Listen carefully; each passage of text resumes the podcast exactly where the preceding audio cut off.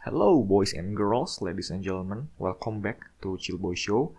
Episode kali ini akan cukup berbeda karena ini adalah audio yang diambil dari kemarin aku ketika mengisi materi tentang kesehatan mental secara garis besar, tapi lebih tepatnya mm, berdamai dengan diri sendiri dan masalah di sekitar dan media sosial dan di di organisasi IPB mengajar. Dan it's quite really fun. Uh, pesertanya juga pada apa ya banyak yang nanya dan kayak apa ya uh, diskusinya berjalan cukup lancar. Dan I think ketika aku mikir untuk naruh audio ini di episode podcastku it's gonna give you guys uh, all of you a lot of value. So I hope you enjoy it and I hope you love the show.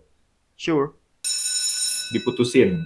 Itu yang pertama. Terus yang kedua yang paling lama dari enam hal dari enam mantanku itu itu cuma bertahan tiga bulan ya kan? Oke. Terus aku mikir pas banget zaman lagi SNMPTN ya aku mikir apa nih ya? Kok kok kayak ada sesuatu yang bermasalah nih sama gue maksudnya kenapa gue selalu diputusin dan kenapa hubungannya berjalan cuma sebentar? Oke, terus lagi SNMPTN juga aku mikir karena aku IPS ya di SMA, aku mikir apa ya? Jurusan sosial yang uh, bisa aku bilang menyelam sambil minum air karena kuliah kan bukan cuma belajar doang tapi juga praktek ya kan. Nah aku nemu uh, awalnya mau ilkom tapi ilkom kok kayaknya cuma komunikasi doang pasti pada saat itu pemahamanku jadi kayak kurang seru nih. Nah, terus tiba-tiba aku tahu wah ada psikologi nih. Wah psikologi menarik nih. Nah udah singkat cerita menarik tapi pas aku tahu di kalau di Unpad di Bandung itu kan itu saintek ya harus IPA. Nah, jadi uh, oke okay, jangan deh terus aku nyari di UGM juga tinggi ya nilainya, UI juga tinggi kan karena aku nilai rapot. Jadi aku mikir apa ya yang realistis sama nilaiku dan aku nemu psikologi Undip. Wow, baru tahu nih ada Undip. Jujur aku baru tahu banget ada Undip di ada universitas namanya Undip Jawa Tengah dan peringkatnya top 5 lah. Top top 10 lah, top 10. Oke deh, aku coba tembak di situ. Tek. Pilihan pertama psikologi Undip dan alhamdulillah dapet dapat dan akhirnya aku menjalani dunia perkuliahan seperti biasa ya pada pada normalnya lah normalnya seperti biasa banyak tugas banyak apa pun itu dan tapi nih ada salah satu uh, sebutan yang sangat lekat di uh, di sangat lekat sama mahasiswa-mahasiswa psikologi. Mungkin spesifiknya mahasiswa psikologi undip, cuma aku nggak tahu di psikologi mana. Cuma ada satu, satu istilah yang melekat banget kalau misalkan mahasiswa psikologi. Bahkan dosennya pun bilang kayak gini kita tuh disebut mahasiswa apa pasien rawat jalan. Hmm, pas aku kayak anjir emang gue sakit apa? Jadi gini sebenarnya menarik kalau misalkan pada saat awalnya itu aku uh, masuk di sorry masuk di psikologi masuk di psikologi uh, apa itu adalah kan kita ngerasa selama ini diri kita tuh baik-baik aja ya selama ini baik-baik kita normal kayak ya kita bisa bersosialisasi, kita bisa uh, ngomong sama temen, ngobrol, basa-basi, itu kan normal ya, hal yang normal. Ya itu memang hal yang normal. Nah, cuma ketika aku masuk psikologi, aku tuh jadi kayak lebih mendalami teori-teori tentang kenapa kita berperilaku sedemikian, kenapa ada orang yang berperilaku sedemikian, dan kenapa apa yang baik bagi uh, kesehatan mental kita singkat cerita kayak gitu. Nah, ketika aku mulai mempelajari hal-hal itu, aku langsung mikir, wah wah ini gue nggak nggak nggak sehat nih. Kayak misalkan nih ya, uh, contoh ada salah satu disorder yang mungkin yang paling diketahui itu apa ya obsessive compulsive disorder yang orangnya perfeksionis banget. Jadi misalkan kalau ada barang dikit uh, belok kita pokoknya dia lurusin terus deh ya kan? Nah di situ kan kalau dalam disorder itu ada suatu simptom-simptom atau gejala-gejala yang harus dipenuhi kan. Nah ketika aku baca gejala-gejala itu bukan apa yang lain selain OCD itu aku lihat kayak hmm, kok diagnosanya gue banget ya? Wah jangan-jangan gue jangan-jangan gue OCD nih. Wah jangan-jangan gue ini jangan-jangan gue ini. Nah inilah yang yang apa penilaian diagnosis diagnosis. Kalau aku nyebutnya self diagnosis ini yang bikin terkadang sebenarnya kita itu nggak sakit oke? Okay? sebenarnya kita itu nggak sakit. Cuma karena kita nganggap diri kita sakit jadi kita jadi kita sakit. Kontekstualnya kayak gini. Aku aku yakin sekalian semua ini pernah nonton bioskop XX1 lah. Oke, kalau nggak di LD2 TV apa LK21 dulu sebelum di blok ya. Nah, kan pada saat itu ada film yang lagi booming booming banget, tiba-tiba langsung semuanya ngebahas tentang mental health. Kayak sekarang mental health suatu hal yang laku di pasar media sosial. Film itu berjudul Joker. Tahu ya film Joker. Nah, di situ setelah film Joker, pokoknya setelah film Joker publis, terus semua orang nonton, yang aku lihat dari fenomena itu adalah uh, banyak setelah orang nonton itu mereka langsung nge-tweet apa nge-snapgram kayak oh gue depresi, oh gue anxiety, oh gue cemas, wah gue joker nih, wah gue psikopat, wah gue antisosial. Nah, ini yang bahaya, ini yang bahaya. Mereka itu cenderung self-diagnose, oke? Okay? Tapi sebenarnya kenyataannya yang aku pelajari di psikologi sudah jelas bahwa yang bisa ngediagnosis penyakit mental dalam seseorang dan diri seseorang itu cuma bisa seorang profesional, oke? Okay? Seorang profesional. Maka dari itu Uh, sebenarnya self diagnose menurutku baik cuma ada batasannya tertentu. Kayak misalkan kamu ngerasa ngerasa suatu hal yang buruk nih kayak ngerasa apa gitu yang buruk. Oke deh.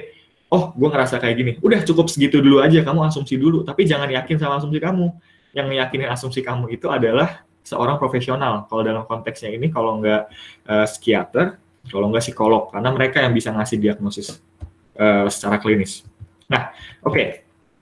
hmm, jadi uh, selanjutnya ini aku akan membawakan materi tadi tentang berdamai dengan diri sendiri dan masalah. Aku akan uh, referensinya dua buku, dua buku yang yang aku baca yang menurutku akan uh, recommended banget buat kalian kalau pengen baca buku ini. Jadi ada satu buku filosofi teras, buku bahasa Indonesia mungkin semua orang tahu karena dia bestseller juga di Gramedia kemarin, berapa bulan ya aku lupa, berapa minggu. Terus selanjutnya ada Jordan B. Peterson, 12 Rules of Life, Nanded to Chaos. Ini dia kenapa aku suka banget karena Jordan B. Peterson ini adalah dokter uh, dokter Jordan B. Peterson ini adalah psikolog di Universitas of Canada dan ini dan dia psikolog klinis dan karena aku juga bidangnya psikologi juga mempelajari jadi kayak itu bisa relate banget. Tapi yang aku kagumi dari buku 12 Rules of Life ini adalah bahasanya itu nggak psikologi banget. Jadi orang awam yang nggak belajar psikologi pun bisa ngerti. Dan itu rules rulesnya kayak wow it's mind blowing dan itu life changing banget buat diriku.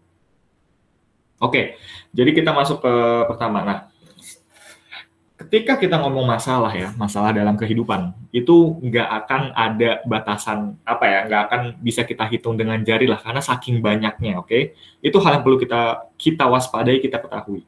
Dan kalau uh, menurut filosofi teras, filosofi teras itu adalah filosofi stoik ya, cuma di bahasa Indonesia in teras, artinya bahasa Yunani stoik, artinya teras. Nah, tapi menurut filosofi teras yang menarik, filos uh, ajaran dasarnya itu adalah uh, seluruh seluruh hal di dunia ini itu bisa kita kategorikan menjadi dua hal.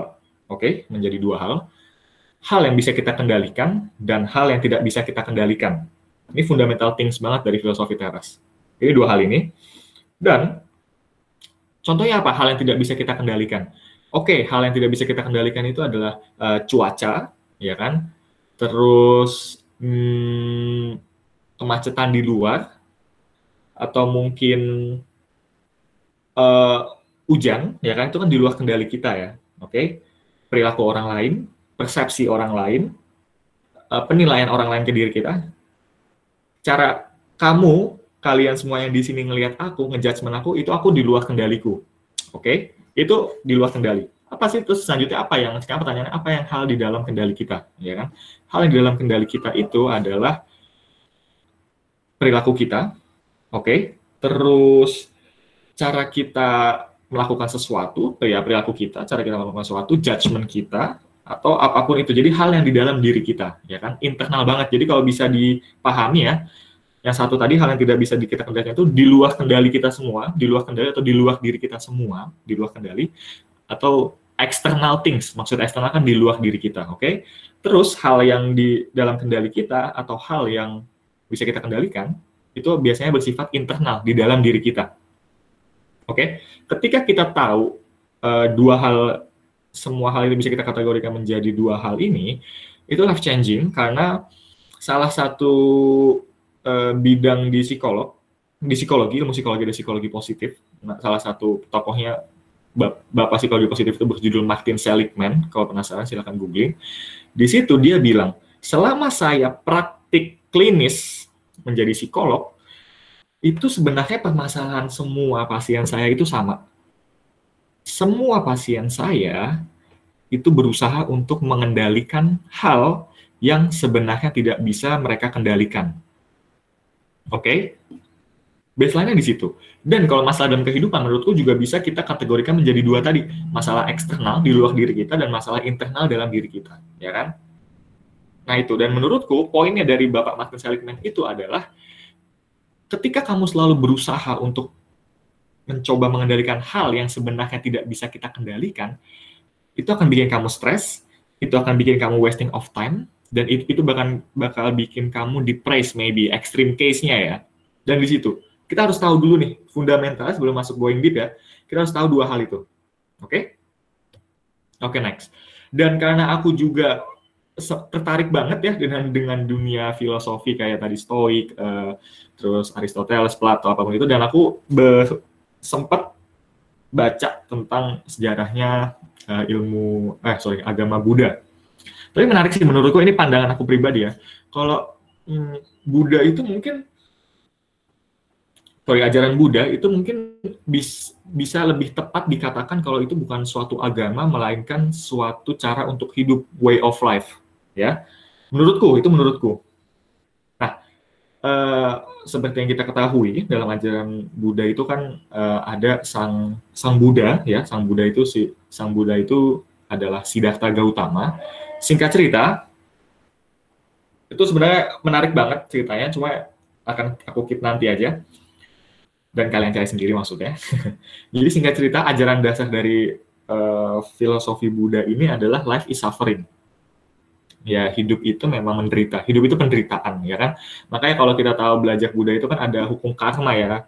Hukum karma. Jadi sebenarnya gini, yang menarik dari karma itu adalah kamu itu nggak akan bisa bebas dari dunia, dari kehidupan, dari dunia hidup di bumi ini tuh kalau kamu nggak nyesain utang karma kamu ada kok salah satu drama Korea yang tentang ini kamu cuma aku lupa lupa banget tapi itu bagus nah jadi konsepnya itu ketika kamu nggak melunasi utang karma kamu di kehidupan sebelumnya kamu akan terus kembali hidup kembali di dunia ini nah kenapa sebenarnya kan kayak ada beberapa orang kan hidup life is apa ya ber, bermakna gitu loh life is kan fun karena itu kehidupan berharga banget harus disyukuri iya tapi kenyataannya kalau misalkan kamu terus-terusan kayak gitu, nah berarti kamu tuh suffering terus, oke? Okay? Karena life is suffering kalau kata Buddha. Ketika kamu terus-terusan, kamu harusnya jadi untuk meng, apa, memutuskan lingkaran setan ini, itu kita harus menyelesaikan utang karma dan baru kita bisa pergi ke surga, let's say surga. Nah, itulah. Tapi dia bilang life is suffering karena coba ya kalau kita kita berfilsuf sebentar lah ya dengan hal-hal yang enteng tuh kayak kenapa life is suffering? Oke, coba deh kamu bayangin kamu tuh hidup ya kan, kamu lahir nih. Kita lepas dulu ya, sebentar aja, sebentar aja kita lepas dogma-dogma atau ajaran-ajaran agama kita masing-masing. Kita lepas semua, terus coba bayangin kamu itu lahir tiba-tiba nih, kamu lahir di dunia ini, muncul di dunia ini. Hmm, oke, tanpa ajaran apa pun, kira-kira kamu tahu nggak tujuan kamu hidup tuh apa? Oke, mungkin kebanyakan orang kayak, hmm, apa ya tujuan hidup gue? Kalau misalkan kita nggak belajar agama ya itu satu. Terus misalkan nanti kamu disuruh menjelaskan uh, kenapa uh, di mana letak kamu sebelum hidup, sebelum kamu muncul di dunia ini.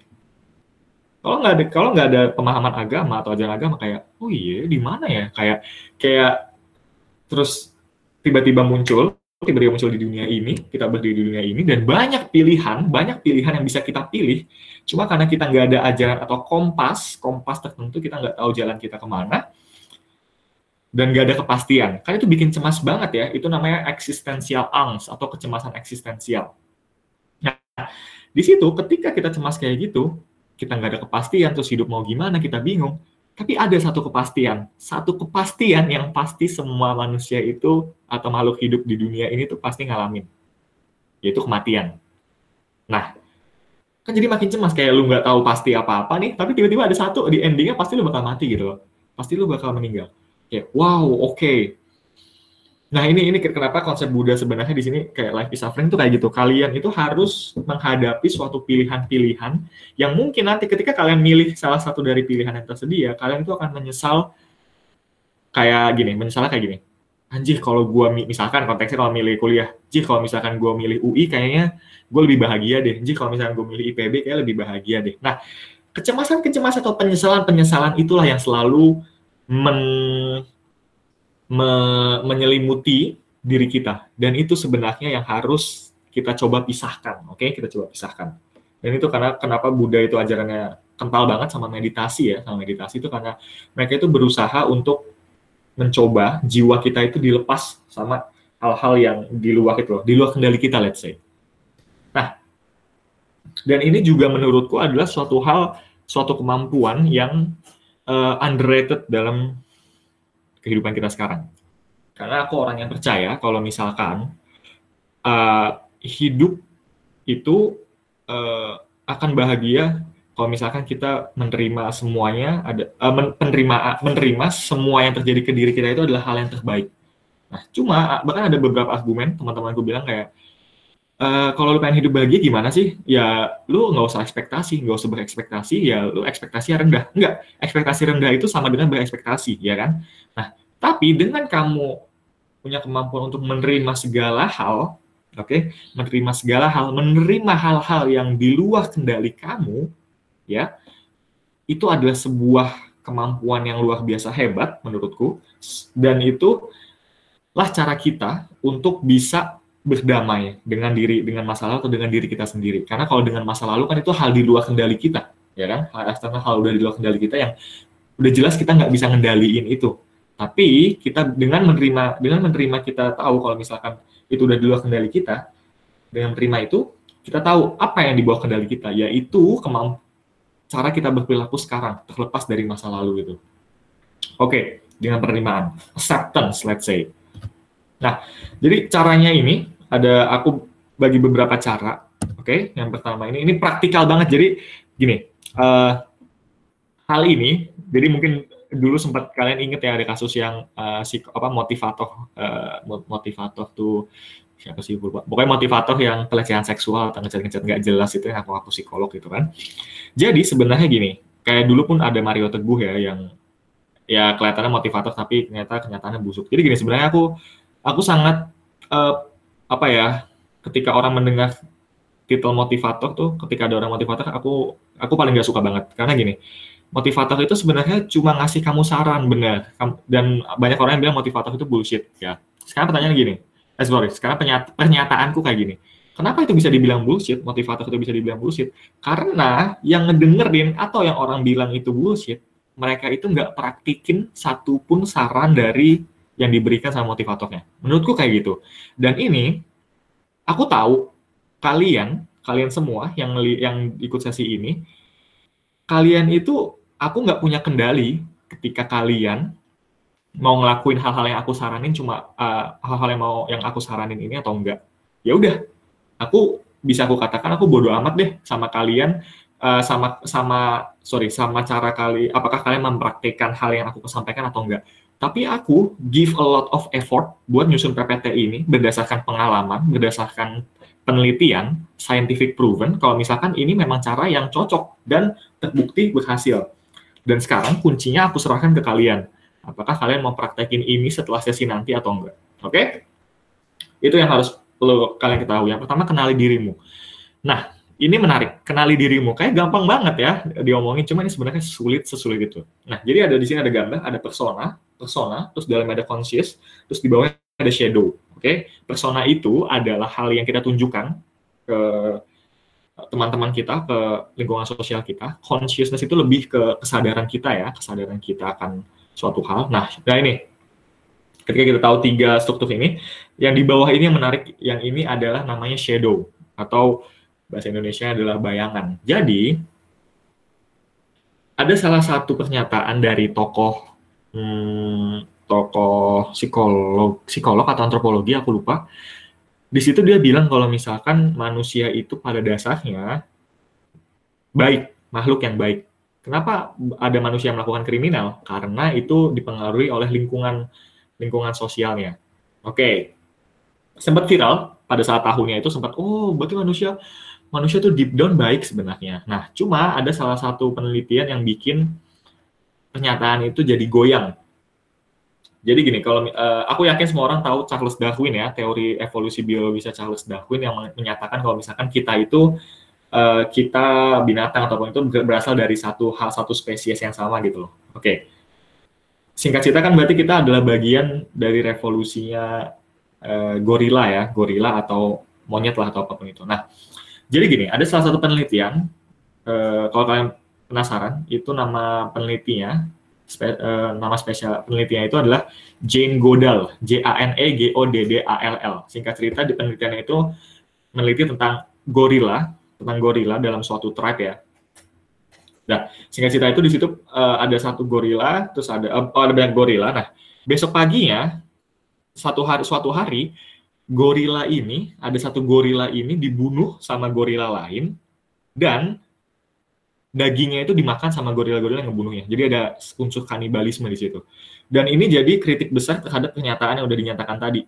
Kayak oh jangan-jangan kenapa gorila gorila ngelakuin oh jangan-jangan kita memang pak punya pada dasarnya insting animal ya insting buas ya nah ini insting dalam deep down ini adalah uh, yang disebut shadow gampangnya, shadow, kegelapan kayak gini. Sebenarnya kita tuh punya sisi gelap, cuma terkadang kita uh, mikir kita ingin cenderung untuk menolak hal itu gitu loh. Dan ini yang menarik ya.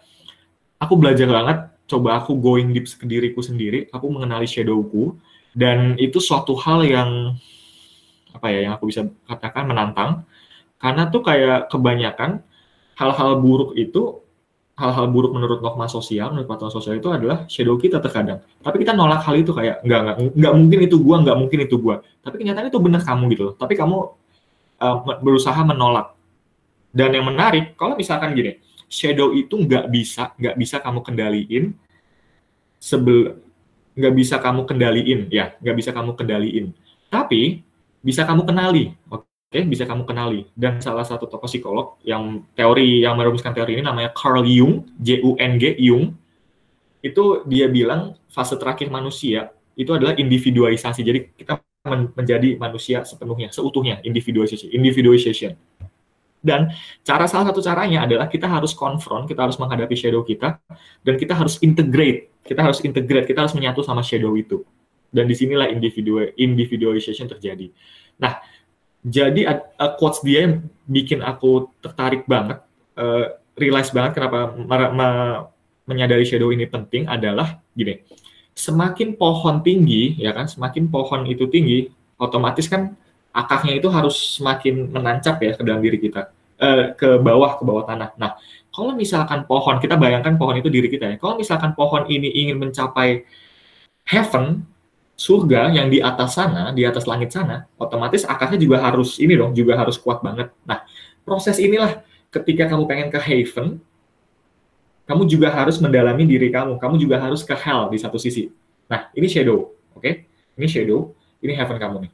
Nah, kamu juga harus memahami itu. Semakin kalau kamu mau jadi tinggi, mau mencapai surgamu, let's say, kamu juga harus mendalami diri kamu dulu. Nggak bisa kamu cuma tumbuh tinggi, tapi akar kamu dikit, pasti bakal goyang, ya kan? pasti bakal goyang. Nah itu sebenarnya konsep pentingnya kenapa harus mengenali shadow itu di situ, dari quotes itu. Oke, selanjutnya catat mimpimu. Nah, kalau misalkan coba sekarang aku aku tanya dan kalian jawab sendiri di dalam diri kalian sendiri, coba ada nggak sih yang inget kapan terakhir kali kalian mimpi? Oke, mungkin beberapa masih ingat dan mungkin tadi barusan, ya kan? Tapi mungkin yang diingat itu adalah mimpi-mimpi yang uh, yang apa ya, yang sangat kaget banget, bikin kita tiba kayak mengerikan banget mimpi itu kita langsung bangun. Pasti gitu. Uh, kebanyakan mimpi yang sering kita ingat tuh kayak gitu.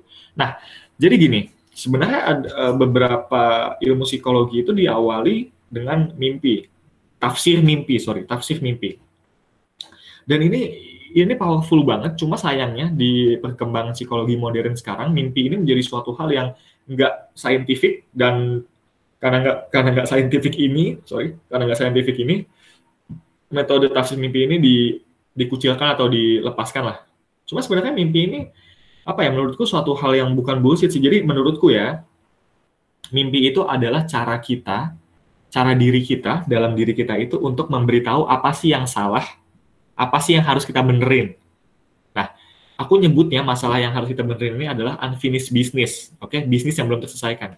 Biasanya itu berkaitan sama orang lain, biasanya kamu harus minta maaf atau perasaan gak enak, kamu ke repress, kayak misalkan kamu ketemu orang terus kamu kayak melakukan suatu hal yang gak sopan lah, terus kamu, ah enggak itu hal yang biasa, nah itu masuk ke subconscious, ke alam bawah sadar kamu, Dan mimpi itu ketika mimpi jadi mimpi itu mungkin mimpi, bukan bukan mungkin sih. Mimpi itu ingin mengkomunikasikan, ini loh ada hal unfinished business ini yang kamu harus selesaikan, kamu harus minta maaf ke orang itu.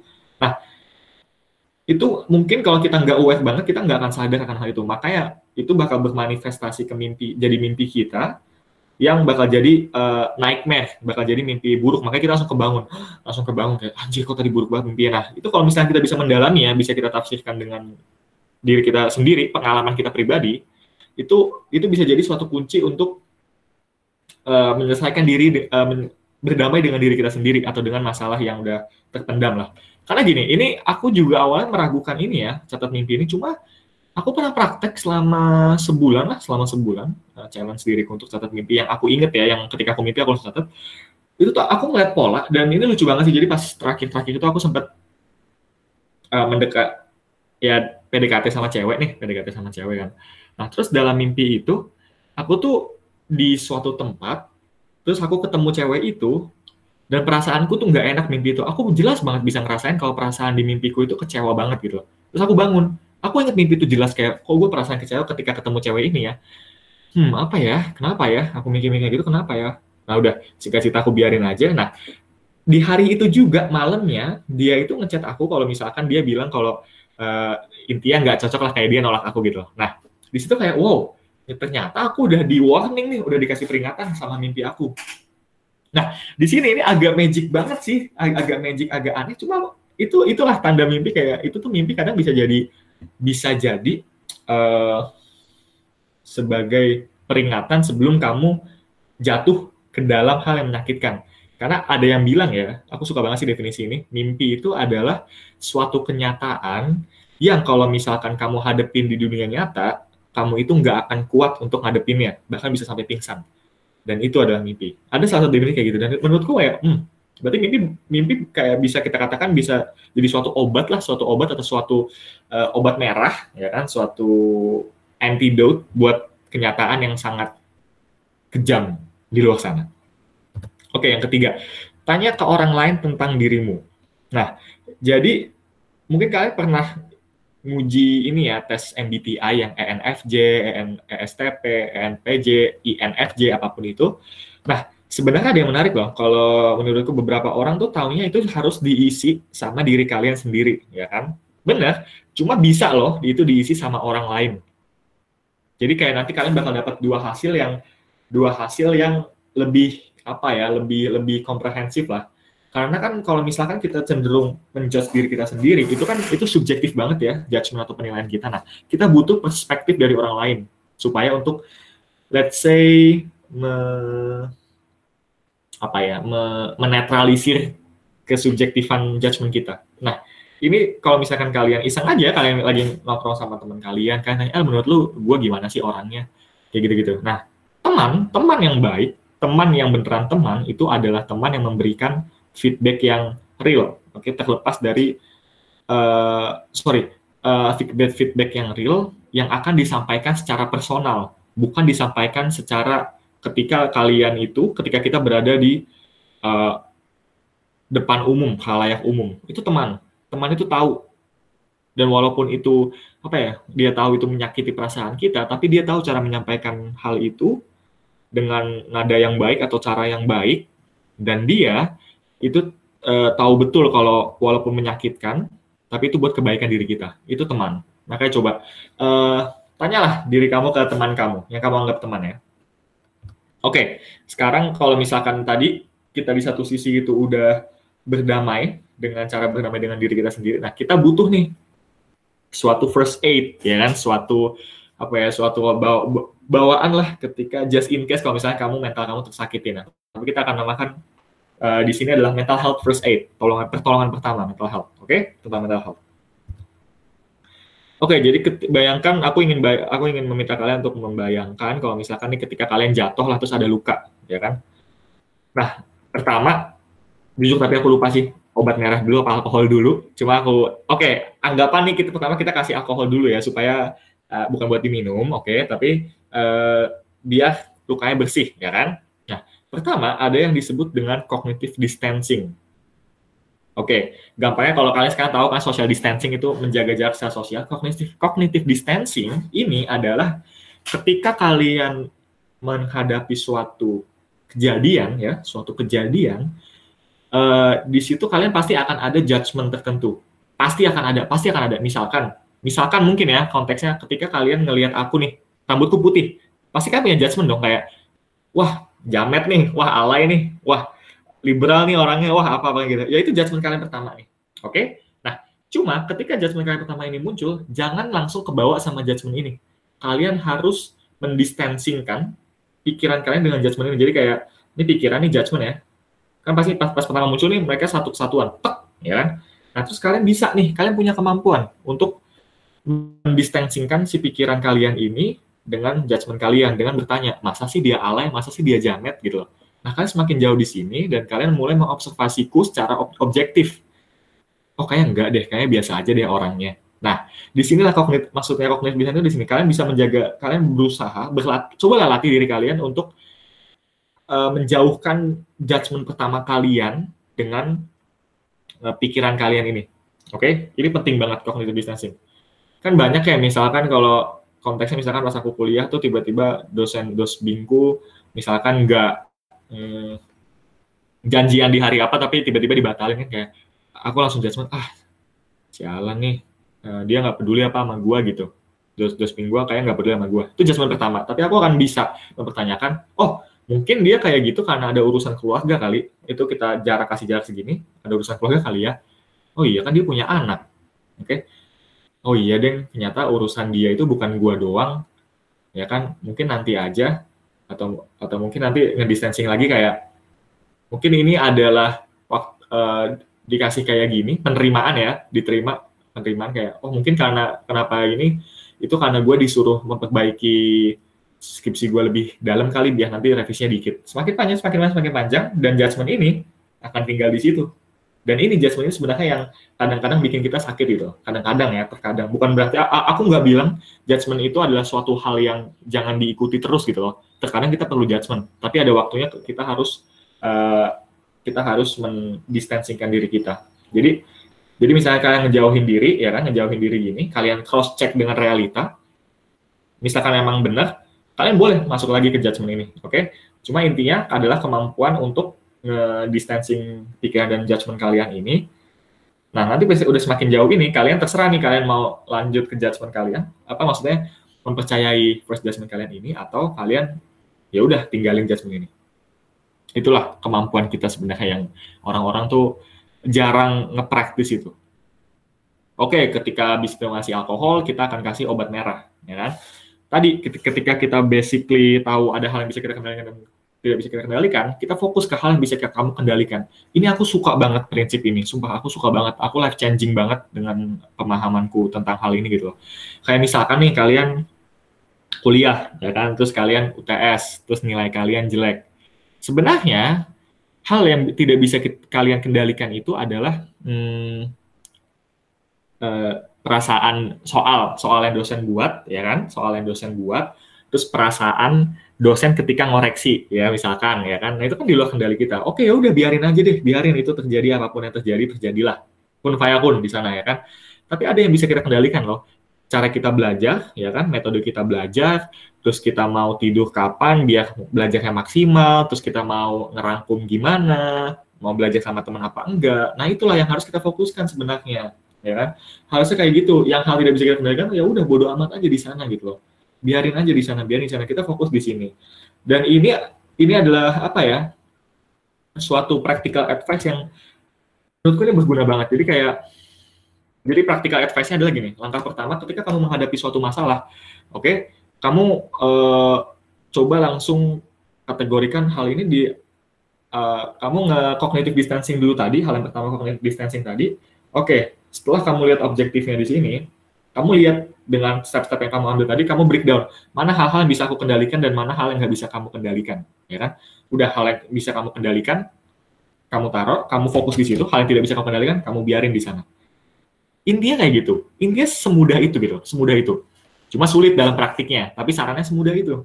Dan itu harus repetitif. Makanya kita akan masuk ke saran saran yang berikutnya.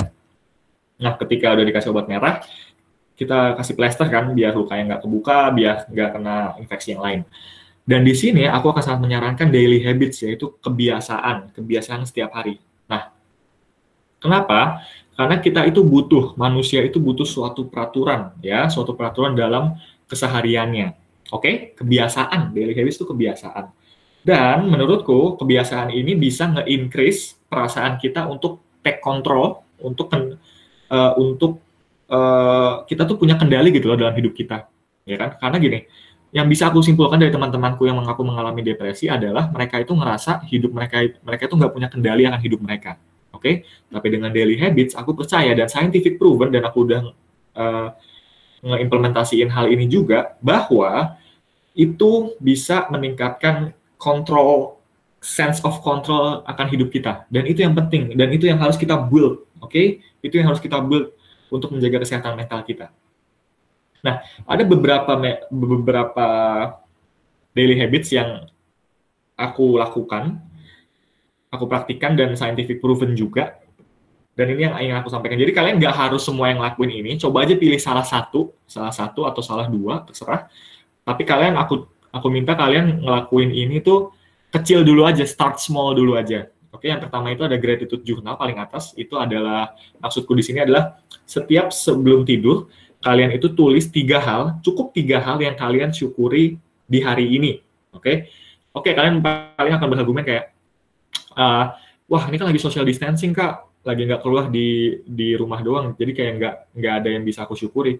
Well, it's a wrong, it's a wrong thinking karena uh, kalian bangun di hari ini ya, bangun di hari ini aja itu adalah suatu hal yang bisa kalian syukuri. Kalian sekarang sama orang tua atau sama keluarga aja itu bisa disyukuri. Kalian bisa sahur aja itu bisa disyukuri. Kalian bisa buka aja itu bisa kalian syukuri. Kalian bisa datang ke sini aja itu bisa disyukuri. Kalian itu makan aja bisa disyukuri. Semua itu banyak hal yang disyukuri. Cuma kita terkadang karena memang basically humanly human things banget kita itu emang fokus ke hal-hal negatif Oke, okay? itu udah human things banget. Tapi maksudnya habit dari gratitude journal ini adalah kita berusaha untuk mengarahkan ternyata ada juga loh hal yang bisa kita syukuri, bukan cuma negatif doang.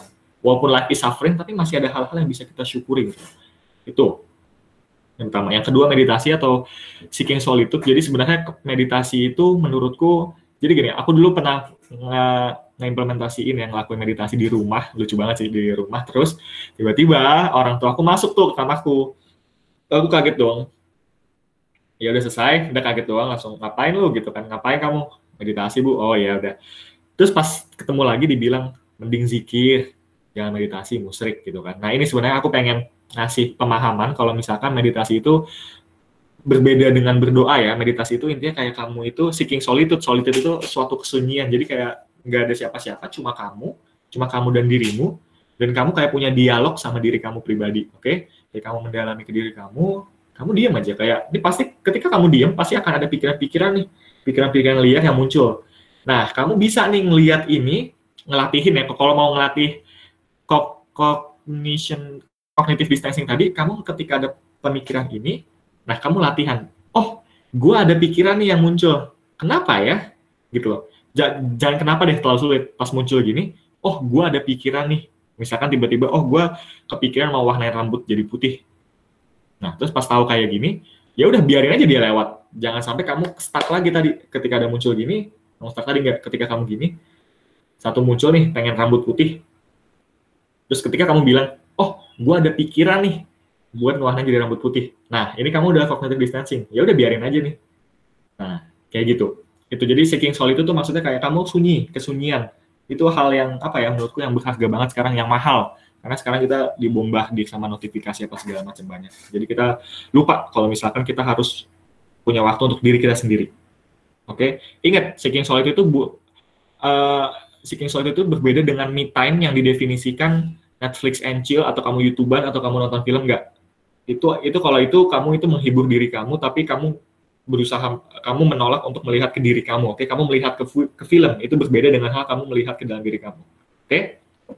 Terus yang ketiga, habits sekarang aku dan yang ketiga adalah transcendence activity, jadi aktivitas transcendent atau aktivitas spiritual kayak kamu sholat, kamu berdoa, kamu baca Alkitab, kamu baca Al-Quran, itu hal yang uh, sangat aku rekomendasikan banget, terlepas dari dogma-dogma agama yang apa yang yang diajarkan di dalam diriku, ini adalah suatu hal yang penting. Karena kalau misalkan kita lihat fenomena sekarang ya, banyak anak gaul disebut anak anak edgy, ya kan, anak yang banyak orang yang ketika dia bilang open minded tuh tapi mereka malah ngejokes tentang agama, tentang budaya budaya timur, tentang budaya Islam atau apa pun itu.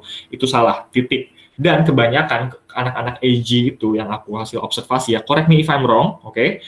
Itu kebanyakan mereka itu uh, cenderung melampiaskan hal-hal suatu hal itu ke sosial media, mungkin uh, extreme case-nya itu adalah cutting self harm dan itu mereka anggap itu sebagai suatu hal yang normal, sebagai suatu hal yang cool, karena itu uh, hal yang cool, karena mereka edgy, ya kan? Dan ini yang salah. Kenapa salah? Karena mereka itu transcendence activity itu, jadi kayak kita butuh sebuah hierarki dalam hidup kita.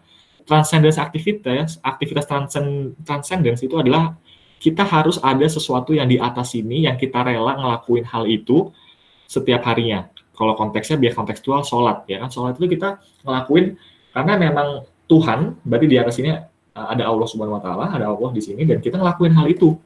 Coba deh, coba aja kalau misalkan kalian nggak sholat apa gimana. Kalau aku sih pernah eksperimen karena aku orang eksperimen banget nih memang dosa aku yang aku terima, tapi kayak aku tuh nyoba aku tuh pernah di satu fase ketika wah jangan-jangan gue agama Islam tuh karena gue ditempel sama orang tua gue bukan karena gue pengen Islam gitu loh ya udah aku coba seminggu nggak sholat ternyata kalau kalian pengen tahu ya rasanya tuh ada lubang di dalam diri kalian, di dalam jiwa kalian tuh ada lubang yang nggak bisa diisi dengan produktivitas atau dengan sosialisasi sama orang lain atau dengan membuat suatu hal enggak, tapi itu suatu hal yang suatu lubang yang harus diisi sama sesuatu yang abadi.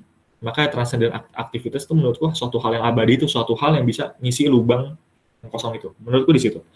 Terus yang keempat olahraga. Olahraga itu penting, tapi bukan berarti kalian harus olahraga yang sampai apa ngepus diri kalian karena kalau mau olahraga saranku adalah yang enteng-enteng aja kayak push up 50 kali sehari mungkin apa satu kali sehari.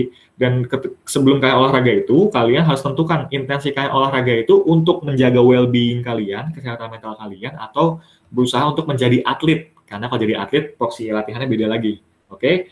dan olahraga di sini uh, scientific proven juga itu ketika kalian beraktivitas itu akan cenderung mempengaruhi berperilaku ya berperilaku suatu hal itu akan mempengaruhi uh, state of your mental health.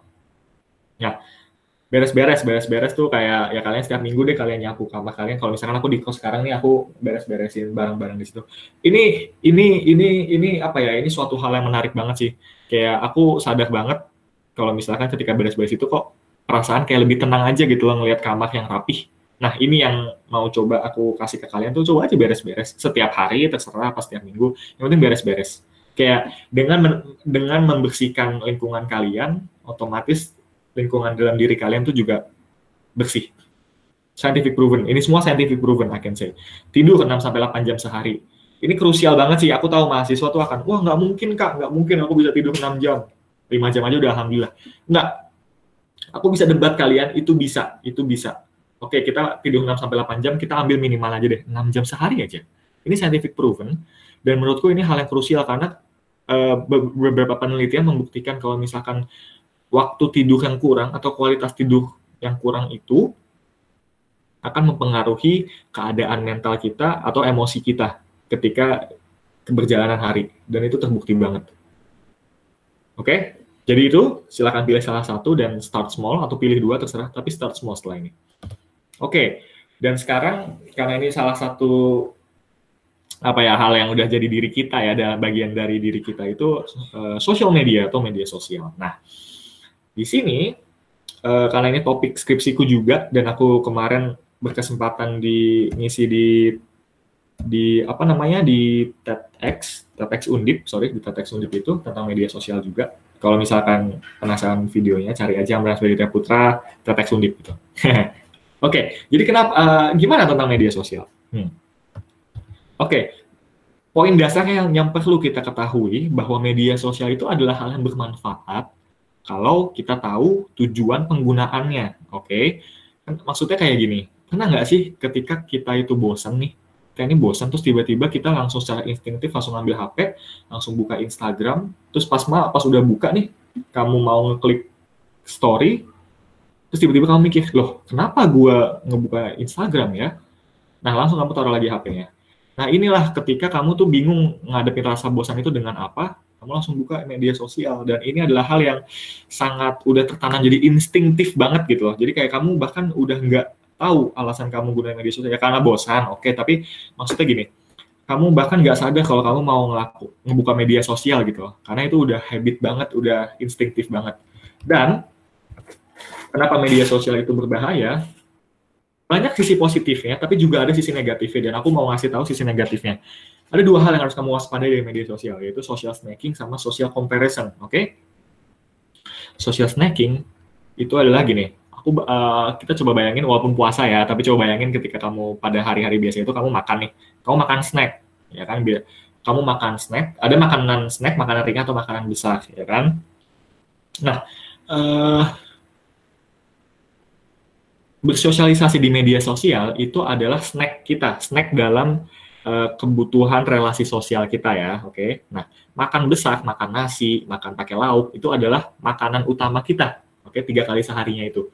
Nah, social snacking maksudnya di sini adalah ketika kita mengganti makanan utama kita dengan snack itu tadi. Kamu makan terus, ya kan? Kamu makan terus. Oke, mungkin kamu kenyang, pasti kenyang makan snack. Mungkin kenyang apa pasti kenyang, tapi itu pasti nanti kamu bakal lapar lagi ya kan. Nah inilah yang yang bahaya dan snack kan juga nggak baik buat kesehatan kita kalau banyak-banyak apalagi ada yang ada MSG-nya, ya kan, ada matching-nya. Nah itu yang bahaya. Jadi kita itu sebenarnya bersosialisasi itu bukan cuma butuh dari media sosial, bahkan gini bisa aku bilang kamu nggak perlu bersosialisasi di media sosial pun nggak masalah selama kamu ada makanan utama kamu selama kamu masih bersosialisasi sama orang-orang di sekitar kamu makanan utamanya kan tadi berinteraksi face to face atau ngomong secara langsung. Itu makanan utama kita dalam bersosialisasi. Nah, social snacking adalah ketika kita menggantikan itu. Oke, ketika kita menggantikan itu dan itu menjadi hal yang buruk, makanan yang buruk untuk mental kita, kesehatan mental kita. Itu yang satu, terus yang kedua social comparison ya secara bahasa Indonesia adalah perbandingan sosial ya. Jadi kayak ya kamu lihat gak sih di media sosial ketika kamu gini deh, ketika kamu lihat di Instagram sama di Twitter itu suatu hal yang berbeda gak sih? Kayak Instagram tuh bahagia-bahagianya semua, Twitter tuh sambat-sambatnya semua. Aku banyak temanku yang kayak gitu, bahkan ada saya kena account apa segala macam. Perbandingan inilah yang kayak memaksa diri kita itu ngelihat, oh kok hidup orang tuh semuanya bahagia banget ya, udah sukses, udah nikah, udah lulus. Tapi kok gue di sini sih masih di sini aja gue masih merenung, masih depresi kayak gitu, misalkan kayak gitu. Nah inilah hal yang buruk karena kalau diketahui kalau di Instagram kan tuh ada high like ya, itu kan high like. Nah, high like biasanya kalau di, di dunia olahraga itu kan high like itu adalah hal-hal yang memang paling keren dari suatu pertandingan. Nah, itulah media sosial Instagram. Contohnya media sosial Instagram itu kayak gitu. Kita itu sosial comparison ini bahaya karena kita membandingkan behind the scene kehidupan kita dengan high like orang lain. Seharusnya yang kita bandingkan adalah behind the scene kita dan behind the scene orang lain, ya kan? Tapi nggak banyak orang yang berani atau yang ngasih behind the scene kehidupan dia. Ya karena itu privasi, ya kan? Dan itulah kita harus draw the line. Dan aku paling suka banget ngasih saran ke teman-temanku itu bahwa media sosial itu bukan diari kamu, oke? Okay? Bukan buku diari. Media sosial itu media sosial. Intinya kayak gitu. Nah, terus selanjutnya uh, di media sosial itu tadi nyambung ke social comparison dan di buku Jordan B. Peterson juga 12 Rules for Life itu number 4-nya dia bilang compare yourself with who you were yesterday not with who someone else is today. Ya kan? Jadi ketika kalian berprogres atau melakukan sesuatu itu cobalah kalian compare dengan diri kalian kemarin. Bukan orang lain yang sekarang gitu loh. Maksudnya di sini idenya ide dari rule ini adalah kita itu manusia itu unik manusia itu individualistik, maksud sorry, maksudnya individual itu dalam konteks kita itu unik, kita itu punya punya masa lalu yang berbeda, punya lingkungan yang berbeda, keluarga yang berbeda atau apa pun itu. Dan kita harus acknowledge itu, kita harus mengetahui hal itu. Kalau kita tuh individual differences-nya tinggi banget. Kayak aku, masa lalu aku sama masa lalu kalian denger ini kan beda. Pasti beda, pasti beda. Kayak aku punya kembaran, kamu kan juga mungkin ada yang punya kembaran, mungkin ada yang enggak. Ya kan? Itu adalah suatu hal perbedaan dan itu harus kita acknowledge. Jangan kamu selalu mempraktikkan hal-hal yang dipraktikkan orang lain untuk sukses gitu loh. Karena pasti jalan kita itu beda-beda gitu loh. Dan ini, aku paling suka kalau misalnya ngomongin tentang hal kayak gini adalah kayak gini, kamu itu somehow, somewhere, atau sometimes kamu pasti akan mencapai tujuan yang kamu inginkan. Tapi dengan cara yang tidak kamu inginkan. Itu. Kita pasti bakal sampai nih, cuma caranya yang kita ekspektasi caranya bakal gini-gini gini, mungkin bukan itu. Dan itulah yang kita harus cari, kita harus evaluasi setiap hari itu kayak, oke okay, apa yang cocok nih sama gua, apa yang cocok sama gua. Makanya kalau misalkan aku pas magang di marketing juga, ada prinsip namanya ATM, amati, tiru, modifikasi kan. Nah, konteksnya kalau, kalau kayak gini misalkan, oke okay, kamu amati, misalkan ada mawapres, kamu amati mawapres itu, kamu tiru habitnya dia, gimana? Oke, okay, terus ketika kamu tiru, eksperimen sama diri kamu seminggu apa sebulan, nah di situ kamu punya kemampuan untuk memodifikasi dulu. Hmm, apa yang cocok sama gue ya? Oke, okay, kayak misalkan dia baca buku sejam setiap hari, nggak cocok, oke okay, gue turunnya jadi 30 menit, atau apa pun itu. Oke, okay? jadi di situ. Dan karena kemarin juga itu apa banyak aku karena ini social distancing juga ya dan banyak orang yang butuh teman cerita sebenarnya aku tahu banget pasti beberapa orang tuh butuh teman cerita dalam keadaan kayak gini aku coba membuat sebuah platform di Instagram, platform konseling melalui Line, ini Instagramnya, tapi konselingnya itu melalui Line. Dan yang konselingnya nanti itu adalah teman sebaya, karena ini konsepnya adalah peer counselor. Jadi sekedar kalian jika ingin konselor atau ingin menjaga kesehatan, ingin didengarkan atau ingin menjaga kesehatan mental kalian itu bisa banget kalian follow di sini karena aku yang ngelola, ngelola di bagian konselornya, peer counselornya. Dan menurutku ini adalah suatu hal yang uh, obat untuk bisa menjaga kesehatan mental kita. Oke, okay? dan ini masih emerging banget, maksudnya masih startup banget, baru kemarin-kemarin banget aku susun. Jadi untuk fitur konsulnya mungkin setelah lebaran baru jalan. So, ini ada pengetahuan juga yang kita taruh di sini kayak mindfulness itu apa, terus self quarantine WFH, mungkinkah kamu depresi atau apa pun itu. So, ini kayak bisa aku katakan ya snack kamu lah, bukan snack sih jangan social snacking, uh, kayak obat kamu setiap harinya lah kayak makanan makanan ringan setiap harinya yang kamu bisa kasih untuk kesehatan mental kamu. So, oke okay, ini udah di ending, but I will leave you with this karena aku kalau dalam menyampaikan menyampaikan suatu materi di sesi-sesiku itu aku lebih suka kita lebih lama di diskusi atau Q&A daripada aku yang ngomong satu one way kayak gini. So, I will leave you with this. You cannot fix other people, but you can fix yourself. So, start with yourself. Oke? Okay? Jadi terima kasih. Uh, selanjutnya akan aku berikan lagi ke Mas Moderator. Terima kasih.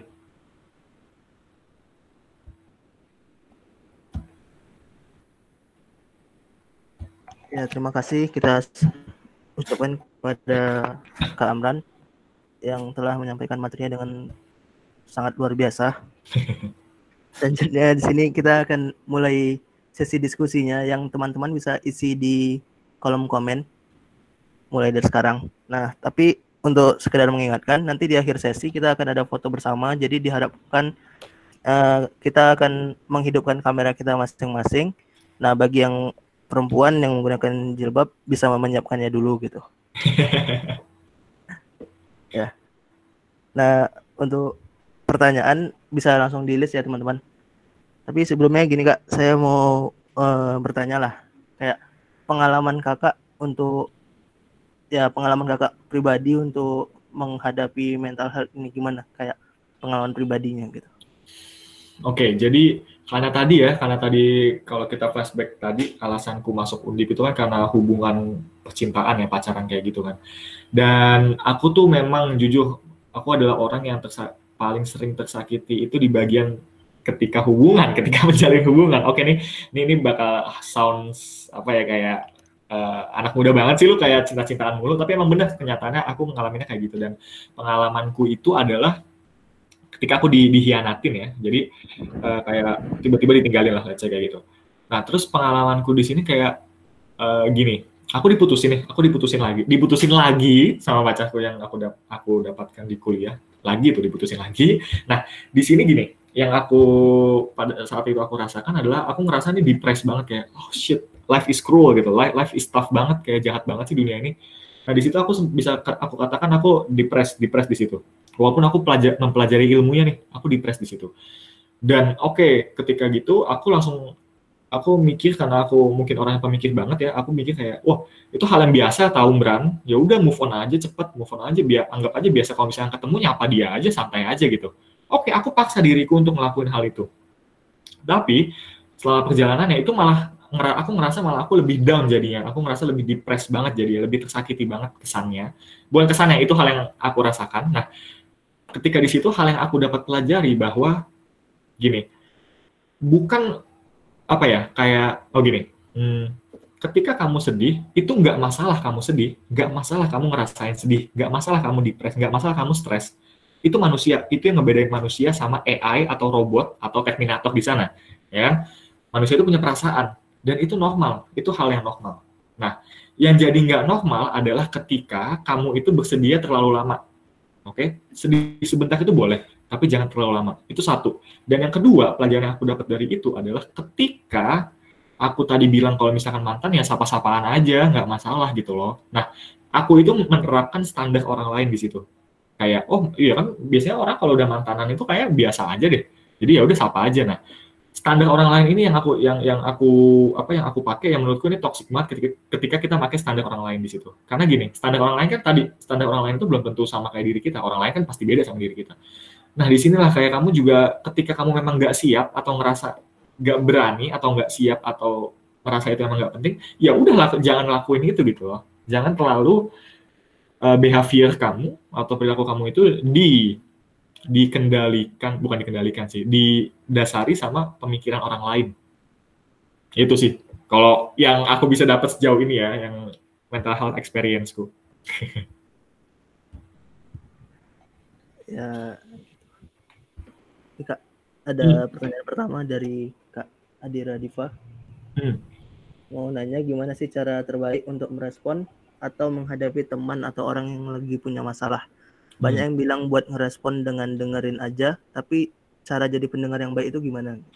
Hmm, oke Adira, Uh, it's really good question. Jadi gini, kalau kita, aku yakin semua di sini uh, pernah berkecimpung di dunia organisasi dan kita tahu ya kalau misalkan pasti banget, pasti banget ada pelatihan tuh public speaking, ya kan, pelatihan public speaking.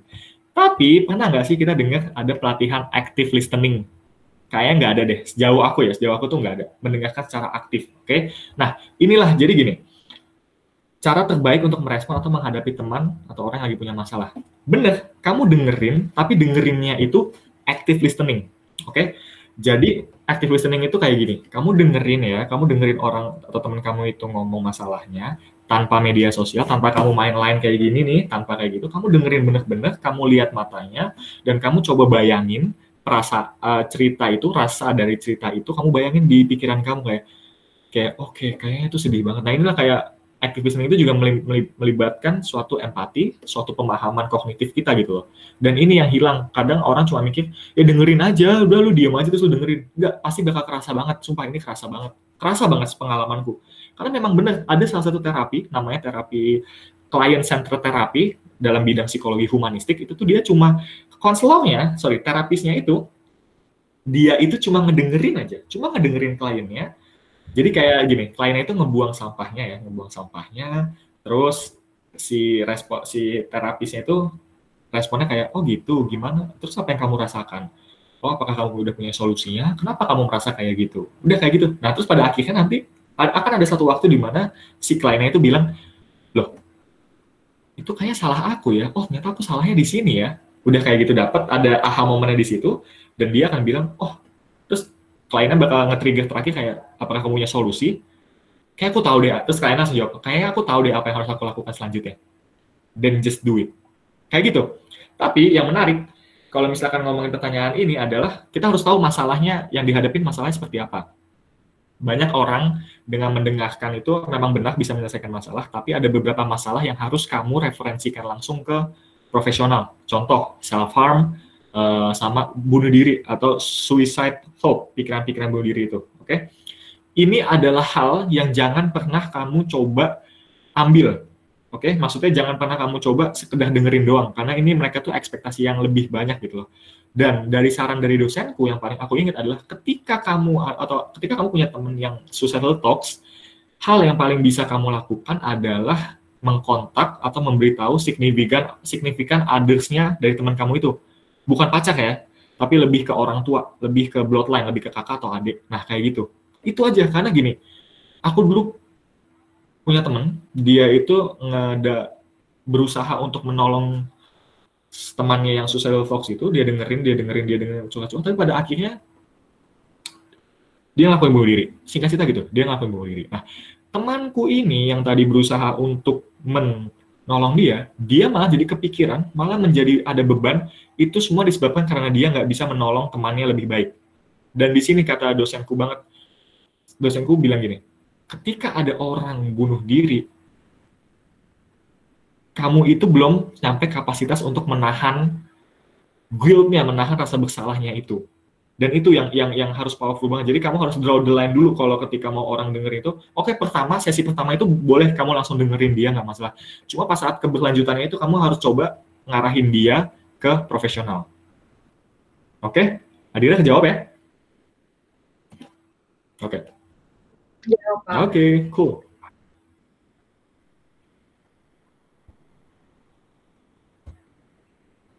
Oke, kita langsung ke pertanyaan kedua nih, Mas moderator atau bagaimana? Ini Kak, lanjut pertanyaan, pertanyaan kedua dari Kak Rifan Nurfalah. Rifan. Izin bertanya, seberapa efektif kita healing diri sendiri dengan membohongi diri sendiri? Misalnya agar tetap bisa tegar, apakah merupakan langkah yang salah? Hmm. Serta bagaimana mengarahkan tindakan instingtif kita ke dalam hal yang bermanfaat bagi kita dan orang lain. Hmm. Bukan pada aplikasi-aplikasi yang memang memberi impact positif ke kita. Bukan pada aplikasi-aplikasi yang kurang memberi impact. Oh, oke okay, oke okay, oke. Okay. Jadi ini dua pertanyaan ya. Pertama itu pertanyaan yang bisa aku simpulkan adalah membohongi diri sendiri misalnya agar tetap bisa tegak. Apakah merupakan langkah yang salah? Nah, ini ini aku bisa relate banget ketika aku berorganisasi. Jadi ada salah satu kepala bidangku kepala bidang yang aku uh, bertanggung jawab itu dia itu bilang kalau misalkan kita sebagai kepala bidang itu nangis di depan anak-anak kita atau staf muda atau staf ahli mereka itu bawahannya maksudnya dalam struktur organisasi bawahannya uh, kita nggak boleh kayak gitu karena kalau misalkan kita nangis atau kita dilihat lemah dilihat lemah terus mereka mau rely atau mau bersandar sama siapa oke okay? itu poin pertama nah jadi sebelumnya jadi sebenarnya gini, karena tadi aku bilang ngerasa sedih atau nangis itu nggak masalah. Buat cowok nangis itu nggak masalah sebenarnya. Apalagi kalau posisinya tadi di organisasi ya, ketika, ketika kita jadi kabit, ketika kita ada di posisi ada beberapa orang yang rely sama diri kita. Nah, aku pengen buat Mas Rifan di sini, kamu harus realize dulu. Uh, kamu harus tahu konteksnya kapan kamu healing, kapan kamu nangis. Bisa dikatakan healing itu nangis ya, nangis atau kesel atau gitu. Karena kita harus tahu konteksnya, kita harus tahu posisinya kayak tadi nih kayak tadi yang temanku kabit itu dia memang nggak bisa nangis dia memang nggak bisa nangis di depan anak-anaknya tapi dia akan bisa nangis atau ngeluapin emosi atau perasaan-perasaan yang menyakiti dia dia itu pengen ngeluarinnya biar healing itu ke PHPI yang lain oke okay? kita harus tahu kontekstualnya di situ Oke, misalkan kalau anak teknik nih, nggak mungkin anak teknik akan nangis di, di teman-temannya sampingnya karena pasti bakal dianggap, wah anak teknik cengeng banget tuh segala macem. Dan ini yang salah loh menurutku. Ketika kamu nangis, itu bukan berarti kamu lemah. Tapi kamu berani dengan kuat kamu mengakui bahwa diri kamu itu lemah dan kamu mengeluarkan hal itu. Itu yang lebih berani daripada orang nggak nahan nangis gitu. Dan itu dan misalnya agar tetap bisa tegar apakah merupakan langkah yang salah. Ketika kamu ada di posisi anak-anak punya seseorang yang bersandar dalam diri kamu, pada diri kamu, aku aku nggak bilang membohongi diri sendiri, tapi aku akan bilang menyingkirkan dulu, disingkirin dulu, bukan disingkirin deh, disisihkan dulu deh nanti nangisnya, oke? Okay? Kita harus fokus dulu sama anak, misalkan ada uh, sama bawahan kita. Kita harus fokus dulu dengerin dia. Masalah kamu mau nangis atau mau sedih, nanti dulu deh, nanti dulu. Belum waktunya, belum waktunya. Dan itu harus dilatih, dan itu bisa dilatih. Oke? Okay? Terus yang bertanya, pertanyaan pertama itu, untuk pertanyaan kedua, apakah merupakan uh, mengarahkan tindakan instingtif kita ke dalam hal yang bermanfaat bagi kita dan orang lain?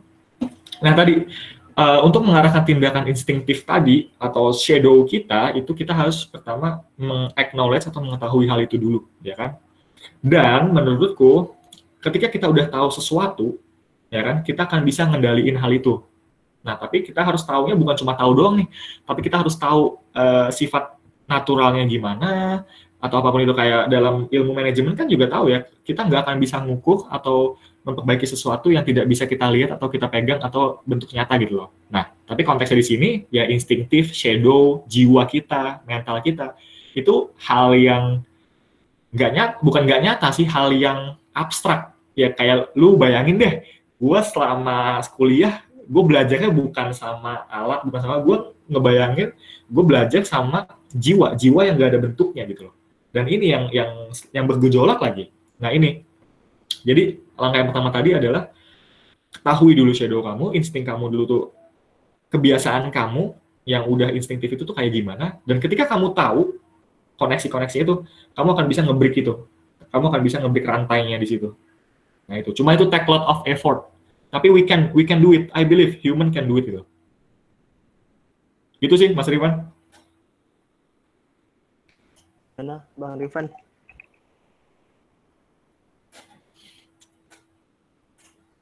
ada komennya responnya Oke, makasih Kak. Oke, cool. Oke. Lanjut Kak, pertanyaan ketiga Lanjut. dari Bang Pendian. Hmm, Bang Mendian. Izin bertanya, kali dikecewakan, kapan kita harus mulai berhenti berpositif thinking terhadap seorang tersebut? Apakah dengan berhenti berpositif thinking itu jalan terbaik atau apa solusi yang tepat untuk kasus tersebut? Wow, oke. Ini ini ini aku aku langsung bisa relate banget nih. Oh, ini kayak gue banget di hubungan terakhir gue nih. oke, jadi izin apa ya sering dikali disewakan. Kapankah kita harus mulai berhenti berpositif thinking terhadap orang tersebut? Oke, yang aku bisa kasih prinsip hidup ya. Ini prinsip hidupku banget. Mungkin bisa kalian bisa kalian terapkan juga adalah gini. Kita nggak harus percaya sama orang lain, tapi kita harus baik sama orang lain. Itu fundamental things banget ya. Dan tadi berpositif thinking ini yang yang aku pengen klarifikasi deh. Kayak orang tuh banyak orang di fakultasku bilang, "Bran, kok lu pos orangnya positif banget sih? Positif thinking banget, gila lu positivity banget segala macam." Nah, sebenarnya kita harus tahu mendetail dulu ya, apa sih yang dimaksud dengan positive thinking. Oke, positive thinking itu menurutku pribadi yang praktikal adalah kamu itu bisa ngelihat suatu kejadian dari dua sisi ya, posisi sisi positif dan sisi negatif dan kamu memilih untuk ngelihat sisi positif. Oke, tapi kebanyakan orang dalam praktiknya adalah ketika dia tahu ada dua sisi ini, dia itu mengabaikan sisi negatifnya. Dan dia hanya fokus ke sini. Dan ini yang salah. Positive thinking menurutku adalah ketika kamu tahu dua sisi ini, kamu tahu dua-duanya ada, dan kamu lebih memilih ini, lebih memilih sisi positif, tapi kamu tidak, kamu tidak melupakan sisi negatifnya. Oke? itu solusi yang tepat. Dan tadi misalkan apakah dengan berhenti berpositif thinking itu jalan terbaik? Yang tadi ya maksudku gini, oke orang menyakiti kita tapi apakah kita punya hak untuk balas dendam? Menurutku sih enggak. Menurutku sih enggak. Kita tuh enggak punya hak di hidup kita, kita tuh enggak punya hak untuk tidak tersinggung sama orang lain. Oke? Itu fundamental banget. Itu fundamental banget dan kalau misalkan kayak gitu, inilah kenapa yang menarik ya, alasan kenapa kita punya, menurutku ya, alasan kenapa kita punya ingatan, oke, okay? kita punya kenangan, kita punya memori. Memori itu, ingatan itu dibuat mungkin atau diciptakan bukan untuk kita selalu mengingat masa lalu, tapi membuat kita untuk tidak melakukan kesalahan bodoh yang sama yang kita lakukan di masa lalu, yang kita lakukan di masa lalu, yang akan kita lakukan di masa depan. Itu suatu hal yang beda ya. Dan itu, itu menurutku. Oke, Mas siapa tadi? Mas Pendian, Bang Pendian, aman?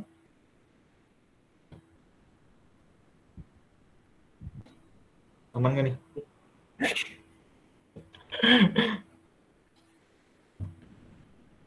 Mas? Ya, belum. Ya oke lah. Aman lah ya. Lanjut dari Alisa. Atau jawab, oke. Okay. Gimana cara tahu dark side diri dan gimana caranya biar kita menjadikan dark side itu bukan sebagai kelemahan? Terima kasih kak. Nah, oke, okay. Alisa, great question. Dark side kita kita label shadow ya, oke. Okay. Gimana cara yeah. tahu dark side sendiri dan gimana caranya biar kita menjadikan dark side itu bukan sebagai kelemahan? Nah, ini dark side itu itu bukan kelemahan, tapi itu adalah suatu potensi kalau aku bisa katakan suatu potensi yang kalau bisa kamu kamu ketahui dan kamu integrate jadi satu dengan diri kamu dengan positif side-mu let's say itu akan kamu bakal jadi suatu seseorang yang hidup memenuhi potensial yang tersedia dalam diri kamu. Nah tadi gimana cara tahu dark side, dark side sendiri ya itu kamu harus confront karena makanya aku tadi habitnya ada seeking solitude kamu juga harus ngelihat nih, aduh apa ya, kira-kira apa sih hal-hal yang hal-hal jahat yang udah gue lakuin misalkan hal-hal jahat gue lakuin. Oh iya oke, okay. ini karena gue pengen apa karena itu disuruh orang lain. Jadi kayak itu suatu proses yang kompleks banget yang aku nggak akan bisa ngasih SOP tertentu gitu loh. Tapi kadang-kadang ketika kamu menyendiri seeking solitude itu kamu akan tahu oh pasti akan ada tiba-tiba kayak enlightenment apa kecerahan kayak oh iya ternyata gue kayak gini ya bener gak sih gue kayak gini? Kenapa sih kayak gini? Nah itu yang yang perdeba perdebatan antara kamu dan diri kamu sendiri yang yang aku pun nggak bisa ngebuat SOP-nya tapi kalau kamu mau googling ya mau googling mau cari informasi terkait buat semuanya mau lebih tertarik dengan dark atau shadow tadi silakan kalian googlingnya itu nanti carinya shadow Carl Jung shadow C A R L J U N G. Dan di situ pasti akan ada how to how to-nya yang lebih expert juga yang dijelasin di situ. Dan itu dan itu saran tapi baik lagi itu adalah saran yang praktikal. Oke, Alisa?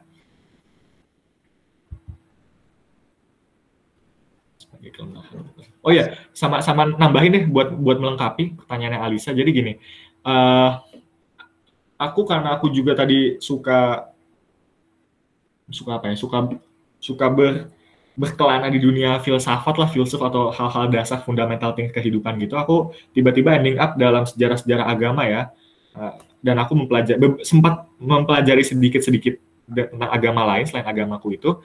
Jadi ada salah satu konsep ayat kali ya, atau ayat dalam Alkitab itu kalau misalkan dia itu ada nyuruh manusia itu sebagai seseorang jadilah manusia yang lembut.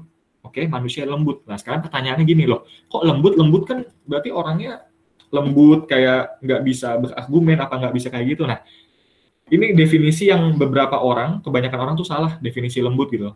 Kayak jadi gini definisi sebenarnya dari lembut itu bukan orang yang baik yang iya iya doang yang selalu legowo bahasa Jawanya yang selalu menyenangkan orang lain atau people pleaser people pleaser. Enggak tapi lembut itu adalah ketika kamu tahu kamu bisa berperilaku buruk ke orang lain tapi kamu lebih memilih untuk bersikap lembut atau bersikap baik atau menyayangi orang lain. Itu yang disebut lembut. Bahasa Inggrisnya meek, M E E K, meek.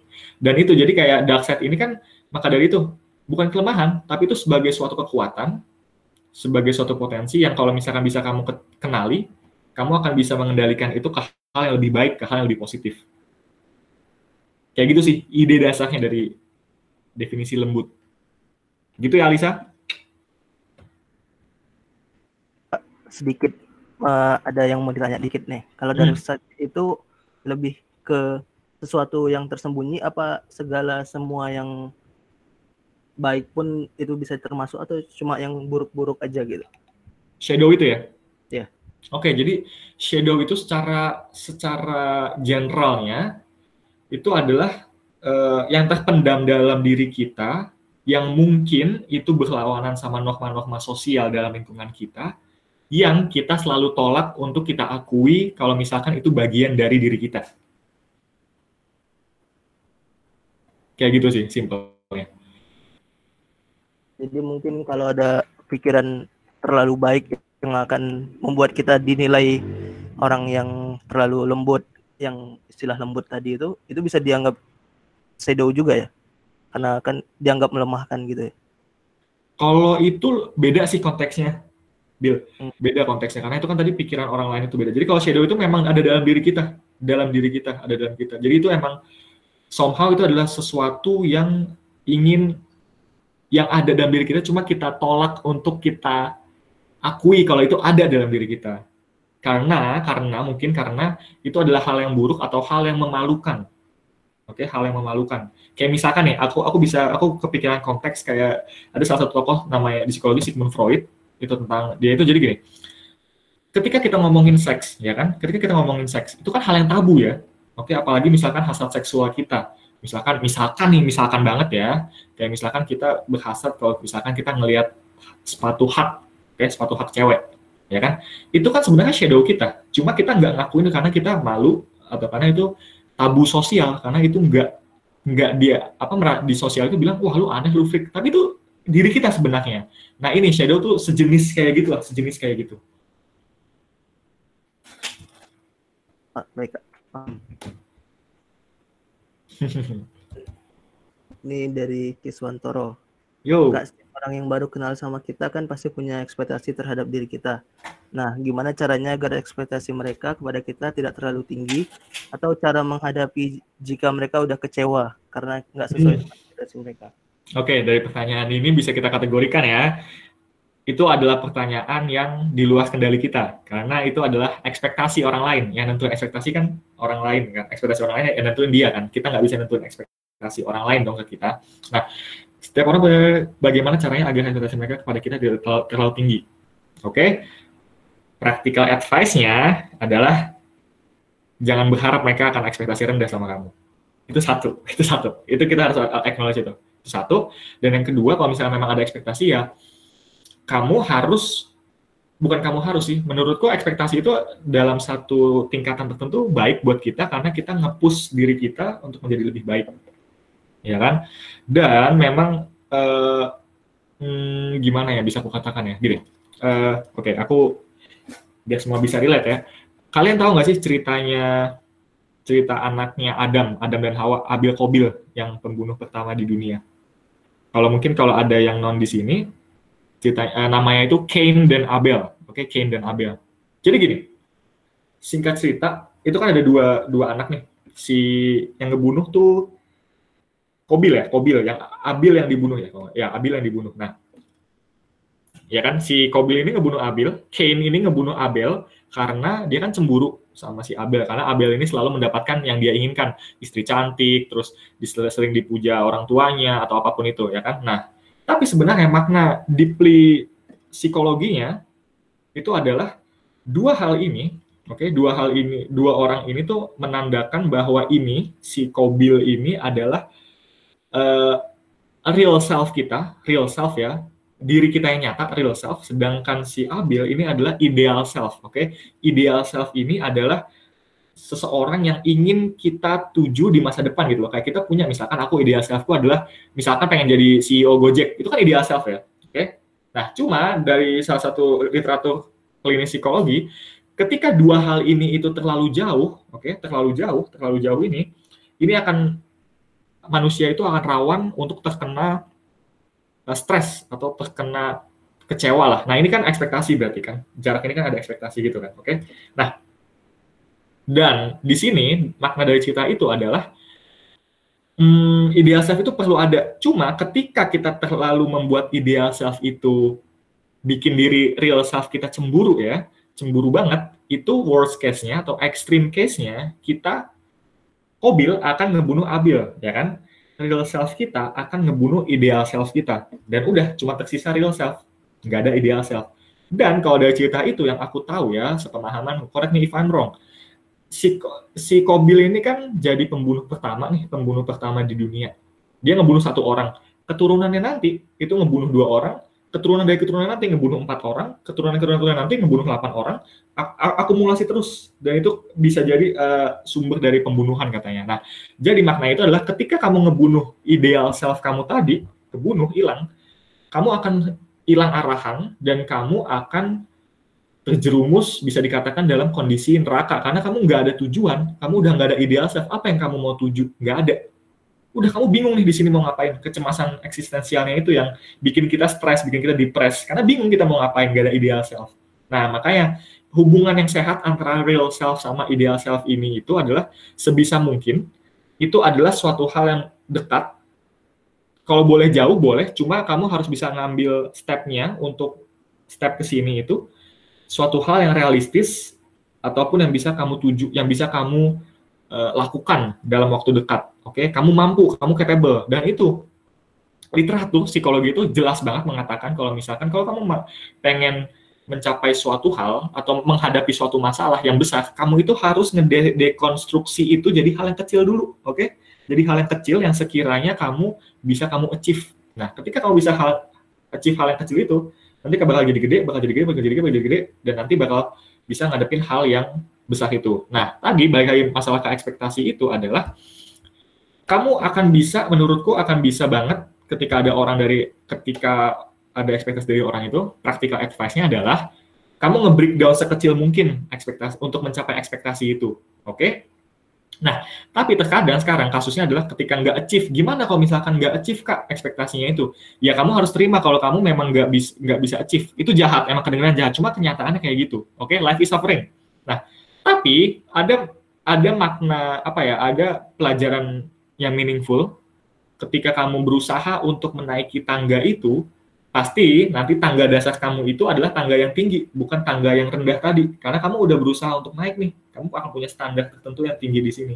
Dan itu yang yang yang seharusnya kalau misalkan teman kayak gini sih jahat banget sih kayak itu teman apa musuh? Maksudnya kayak uh, kayak toxic banget ngasih ekspektasi tinggi-tinggi tapi enggak ini, ya kan?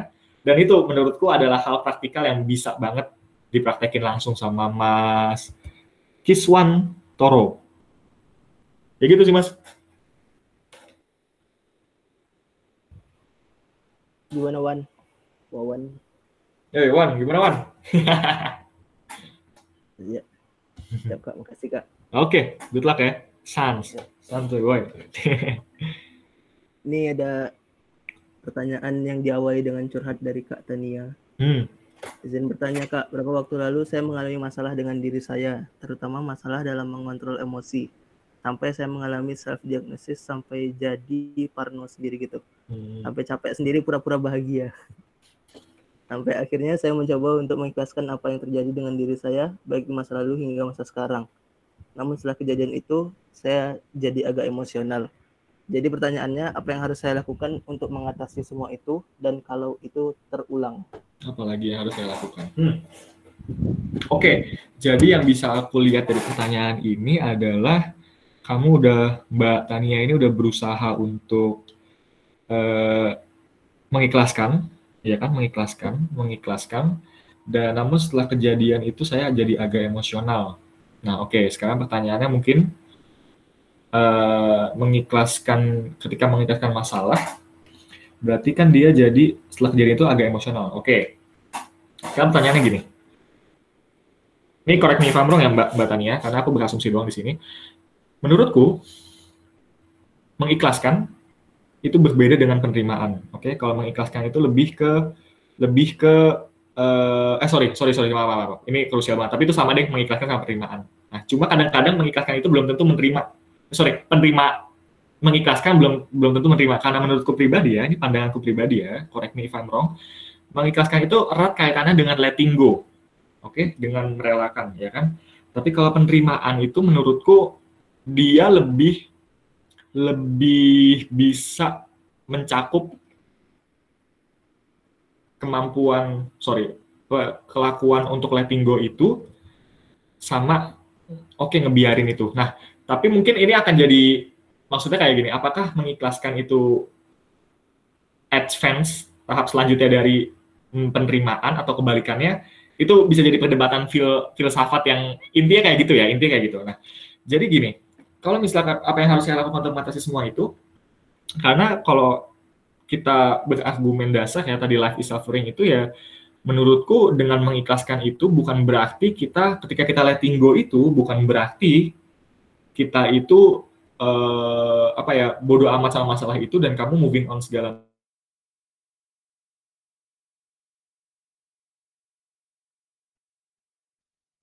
kali nggak belajar apa pun dari masalah itu Nah, mungkin dari hal ini, mungkin ya, mungkin dari hal ini adalah Mbak Tania itu sebenarnya bisa belajar banyak Mbak dari masalah itu. Cuma karena mungkin pemahaman pengikhlasannya yang hanya sekedar ya udahlah bodo amat lah, ya udah sana aja deh. Gue ikhlasin aja, gue terima. Ya udah bodo amat gue sakit nih, gue menyakitkan, tapi ya udah gue terima. Nah itu kan kita nggak belajar karena kita belum karena belum mungkin mungkin belum berani untuk mengkonfront masalah itu. Nah, jadi masalah itu udah ter, terlanjur dibuang, tapi belum sempat tuh kita mengekstrak apa sih yang bisa kita pelajari dari itu. Nah, setelah kejadian itu saya jadi agak emosional, yang aku asumsikan di sini Mbak adalah mungkin masih ada unfinished business antara terhadap masalah yang tadi ditinggalkan itu. Mungkin masih ada ya deep down menurutku karena karena kalau misalkan emang beneran orang atau aku pribadi yang udah ngalamin juga ketika letting go sesuatu, ya itu udah nggak ada ekspektasi, udah nggak ada keterikatan udah nggak ada emosi yang nyangkut di situ. Udah lepas aja beneran lepas aja. Dan itu ny- rasanya emang nyaman banget. Cuma prosesnya emang nggak nyaman. Kamu harus konfront kamu harus nangis nangis dulu kali. Kalau aku konteksnya sama pacar mantanku nangis nangis dulu lah face to face segala macam. Menurutku kayak gitu. Dan practical advice-nya lagi adalah coba coba Mbak Mbak Tania itu eh, breakdown atau tulis mungkin lebih enaknya daripada mikir doang. Tulis tulis masalah dulu nih apa sih yang yang mengontrol emosi ini yang self diagnosis jadi partner ini apa sih yang didiagnosis gitu loh. Dan coba coba beranikan diri mungkin nggak sekarang mungkin besok coba kumpulin nih apa mental dulu kalau misalkan ingin mendalami masalah yang dulu itu. Coba going deep. Menurutku ada sesuatu yang belum kelar di situ mbak. Menurutku ya menurutku sejauh ini gitu sih. Cuma kalau mau mau yang profesional ya ke psikolog kalau aku saranin. Coba ke psikolog. Karena aku nggak berani sebenarnya ngasih advice yang kayak harus gini gini nih tapi yang paling aku bisa beranikan kasih saran adalah coba hadapi itu coba going deep lagi di situ. Ya gitu sih mbak.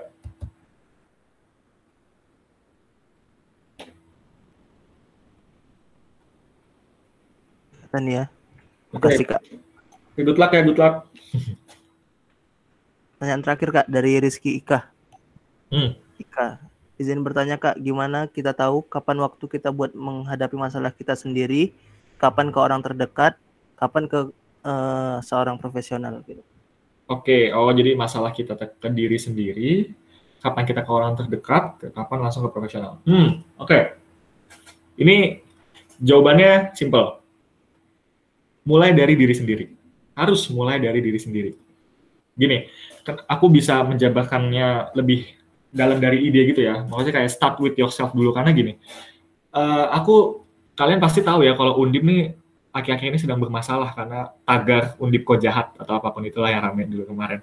Karena UKT mungkin di PB juga ngalamin itu. Cuma yang aku pengen kritik dari pergerakan BEM-nya itu adalah uh, oke, okay, kita kebanyakan mahasiswa sebagai organisatoris ya lebih tepatnya kita selalu mendewa-dewakan atau mengatasnamakan uh, perjuang memperjuangkan rakyat hak-hak rakyat ya kan? Memperjuangkan UKT atau apa pun itu. Cuma aku pengen nanya deh pengen nanya ke setiap mereka ataupun kalian di sini yang ngerasa sebagai aktivis sosial let's say apakah kamu sudah menyelesaikan masalah di diri kamu sendiri? Apakah kamu sudah menyelesaikan masalah di lingkungan terdekat kamu sendiri? Karena kebanyakan yang aku lihat hasil observasiku adalah orang-orang yang demo atau ke segala macam itu, mereka itu lebih mementingkan orang lain daripada mementingkan diri sendiri.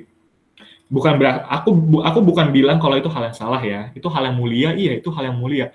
Tapi jangan sampai dengan hal itu, dengan fokus di hal itu, seorang itu malah lupa sama diri mereka sendiri. Karena kayak gini, simpelnya kayak gini. Kalau kamu mau didengar, dengarlah orang lain kalau kamu mau kamu nggak bisa mimpin orang lain sebelum kamu mimpin diri kamu sendiri, ya kan? Singkatnya kayak gitu. Dan dalam konteksnya kayak gini, kalau masalah kayak gini, konteksnya ya memang kita harus mulai dari diri kita sendiri. Nah, ketika kita mulai dari diri kita sendiri, baru kita bisa ke ke orang lain. Karena yang aku pelajari di psikologi juga, uh, sebelum kita menolong orang lain, tolonglah diri kamu sendiri Simpelnya kayak gitu. Ketika dalam masalah kamu ngerasa, ini subjektif banget memang, ini subjektif banget. Ketika kamu berusaha untuk menolong diri kamu sendiri, tapi kamu nggak bisa, ngerasa nggak bisa, baru kamu minta pertolongan ke orang lain, ke teman kamu, atau langsung ke profesional. Oke, okay? jadi menurutku ketika ke orang lain atau ke profesional itu bukan suatu tahap orang lain, eh, diri kamu, orang lain, profesional enggak, tapi diri kamu terus bisa dua ta tahap kedua ini bisa atau orang lain atau ke profesional. Karena perlu diketahui ya kalau ke profesional kan bayar ya kan? Dan itulah yang kadang jadi uh, jadi suatu masalah fundamental sih. Jadi itu aku makanya tadi ada habit uh, apa beres-beres itu. Jadi ide dasar dari beres-beres itu adalah before you rule the world before you criticize the world atau before you beres-beres hal-hal di luar diri kamu ini coba mulai dari hal-hal, coba mulai dari beresin kamar dulu. Ya, sesimpel kamu bangun tidur nih, kamu ngeberesin selimut kamu deh. Atau kamu nyapu dulu deh kamar kamu atau rumah kamu. Baru kamu boleh criticize the world atau criticize orang lain. Kayak gitu sih. Rizky. Eh, cewek apa cowok ya? Bang Rizky. Ya, Rizky. Cewek-cewek. Ika. Uh, oh, oke, okay, Mbak Ika. Oke. Okay. ya, karena itu tadi pertanyaan terakhir berarti uh, rangkaian diskusinya udah selesai sampai di sini teman-teman semua terus kita udah mendapatkan materi- materi-materi yang luar biasa dari Kak Amran yang mulai dari penyampaian materi sampai diskusi yang barusan ini dan pandangan-pandangannya sendiri untuk yang mungkin bisa kita pakai apabila itu sesuai dengan kita. Mudah-mudahan materi yang sudah disampaikan oleh Kak Amran pada hari ini bisa bermanfaat untuk kita semua dan ilmunya dari Amran juga berkah gitu Kak. Amin. Terus untuk diskusi ini kita tadi ada rencana untuk foto bareng gitu ya sama semuanya. Jadi teman-teman semua diharapkan untuk hidupin kameranya dulu.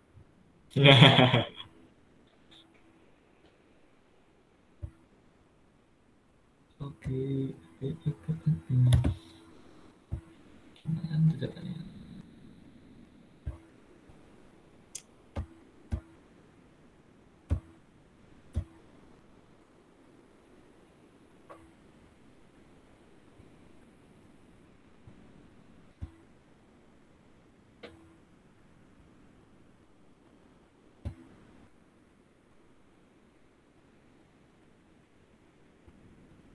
Ini ke ke- kebanyakan cewek ya? Iya. Kayak psikologi aja kebanyakan cewek. Wah, iya keren keren keren keren. Aku dulu pengen masuk IPB loh. Cuma ya gitu deh, kayak emang intelektual aku nggak nyampe. PB Saintek kan. Oh iya iya itu, itu juga salah satu yang Ya, sendiri di Jakarta atau di Semarang? di Semarang. Aku kejebak nih, kejebak keje- kejebak kemarin. Pas banget pas PSBB itu, itu terus aku wah udah kejebak ya udahlah biarin aja. Seru kok di Semarang. Kawan-kawan main lah coba. Kalau daerah asal dari mana? Dari asal aku Bekasi, Bekasi. Sebenarnya Bekasi. Deket kan, Bekasi Bogor tuh. Yang gak ada yang jauh ya, lumayan lah.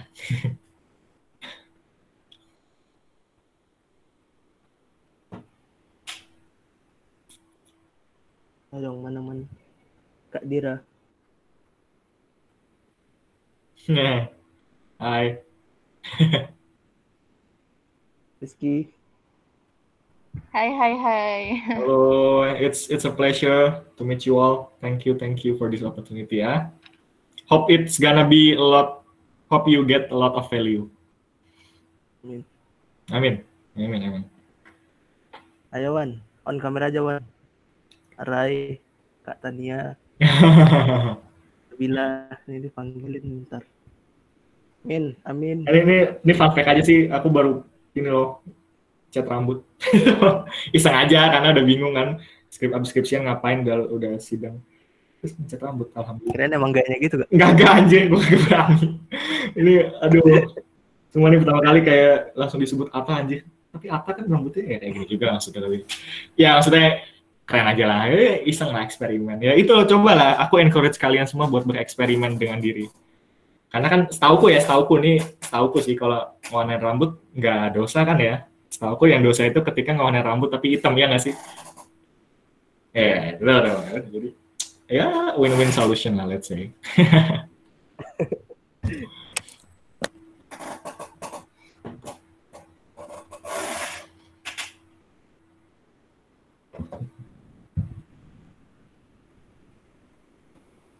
Apa Ika, mau ada ngomong Ika? Nah,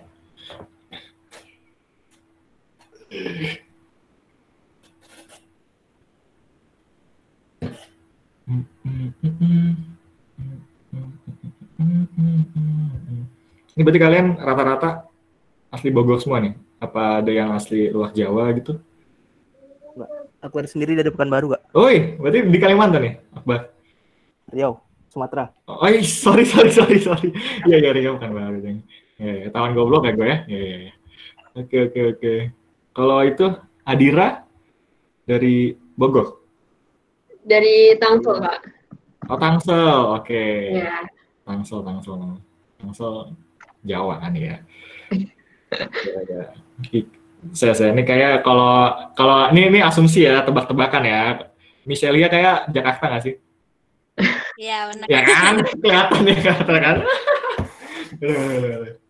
kayak nggak tahu sih coba deh kalau kalau misalkan ini pengalaman random sih pengalaman pribadi. Kalau di Undip tuh kan aku ngerantau ya.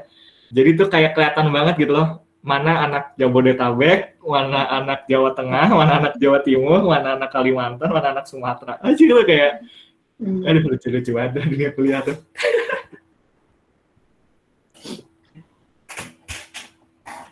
Ya kak banyak banget dari Jakarta teman aku ke Undip. Oh iya, Jakarta kayak banyak ke UB nggak sih? Itu juga banyak. Ya, itu juga banyak kan.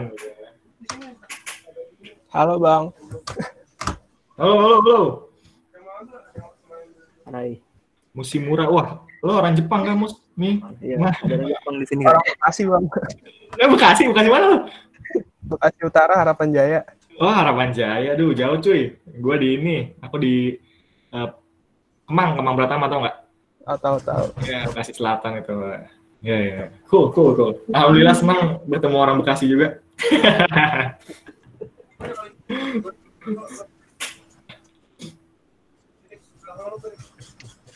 Udah. Ayo langsung foto aja yuk. Udah. Langsung foto aja ya. Kak Tania, Satu. nggak ada yang mau disampaikan Kak Tania. Oh ya. Oh, PJ-nya siapa PJ BTW? Penasaran. Ketua acara ini. Ada nggak sih ketua acara ada? yang? Oke. Kak Adira. Oh iya. Adira kata berapa dia? 18 kak.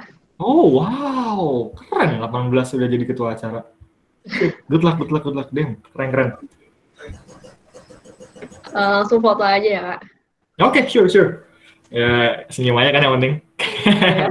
eh, bete, bete ini fun fact ya, fun fact. Jadi kayak audio ini nanti kalau boleh aku minta, boleh aku minta terus nanti foto ini nanti aku post di Instagram aku ya buat konten podcast Oh, ya. Oke. Sure. Makasih kak. Jadi gaya kayak gaya, gaya yang keren. Satu, dua, tiga.